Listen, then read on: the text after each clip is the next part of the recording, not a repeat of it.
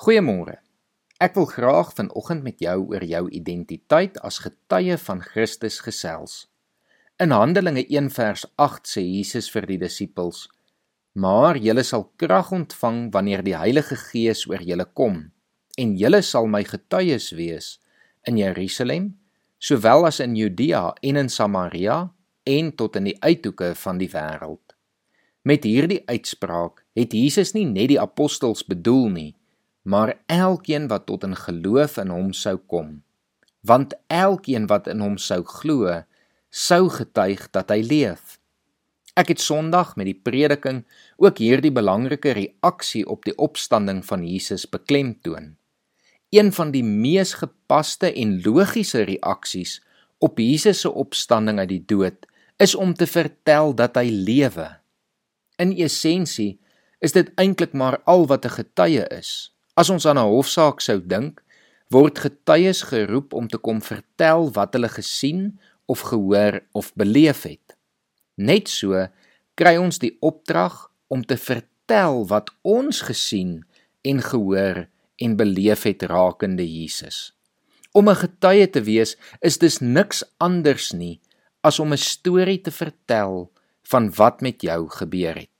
Ons sien dit raak wanneer Maria hulle kom vertel dat Jesus nie meer in die graf is nie. Ons sien dat Petrus vertel wat met hom en die disippels en spesifiek met Jesus gebeur het tydens die kruisiging en opstanding wanneer hy 'n skare mense toespreek op Pinksterdag.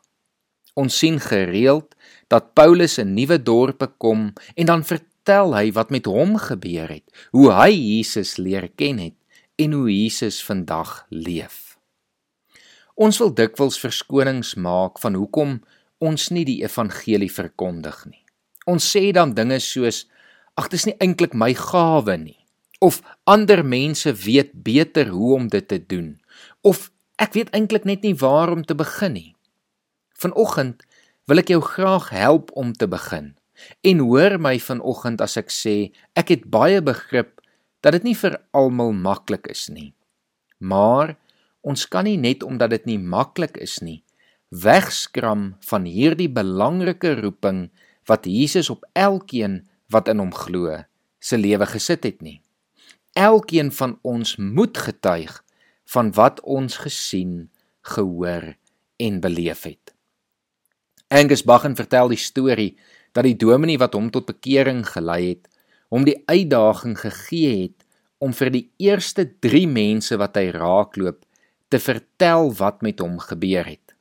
Natuurlik was dit vir hom aanvanklik nie 'n lekker uitdaging nie. Hy het mense probeer vermy want hy het ook nie geweet hoe om vir mense te sê dat hy nou in Jesus glo nie. Maar gelukkig was hy gehoorsaam. Nie net aan die dominee se uitdaging nie, maar aan die Heilige Gees wat hom geroep het om dit te doen.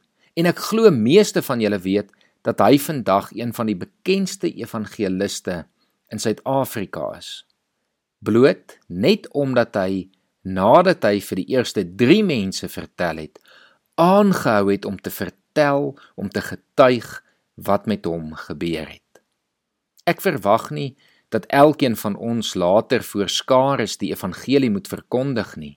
Maar ek glo wel dat elkeen van ons een tot een met mense naby aan ons die storie van Jesus wat leef en die storie van Jesus wat my en jou gered het, moet deel.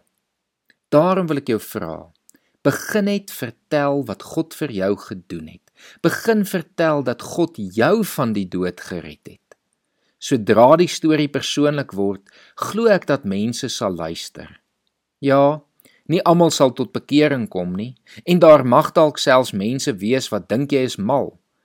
Maar ek kan nie aan 'n groter voorreg dink as dat ander mense dink jy is mal op grond van jou liefde vir Jesus wat jou lewe gered het nie.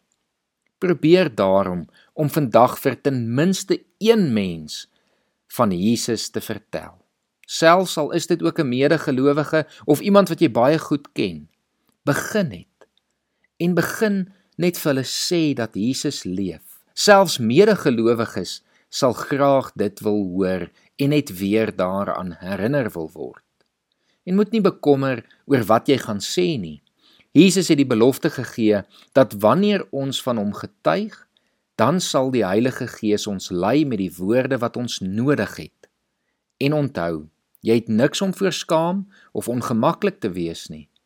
Want sê Jesus vir ons in Markus 8 vers 38: Wie hom vir my en my woorde skaam te midde van hierdie ontroue en sondige geslag, vir hom sal die seun van die mens hom ook skaam wanneer hy weer kom. Kom ons bid saam. Here, ons bid vandag vir elkeen wat teenoor iemand gaan getuig van wie U is en van wat U gedoen het. Here, ons kom vra dat U elkeen van ons sal lei en dat U soos U beloof het vir elkeen die nodige woorde sal gee sodat ons ander mense se harte kan aanraak. Here, mag U ons vandag gebruik om as getuies van U vir die wêreld te vertel dat U leef. En Here, ons kom bid vanoggend vir elkeen wat hierdie boodskap gaan hoor. Here, maak hulle harte ontvanklik sodat hulle sal luister en mag U dan in U deur U Gees in hulle werk sodat hulle ook sal glo. Amen.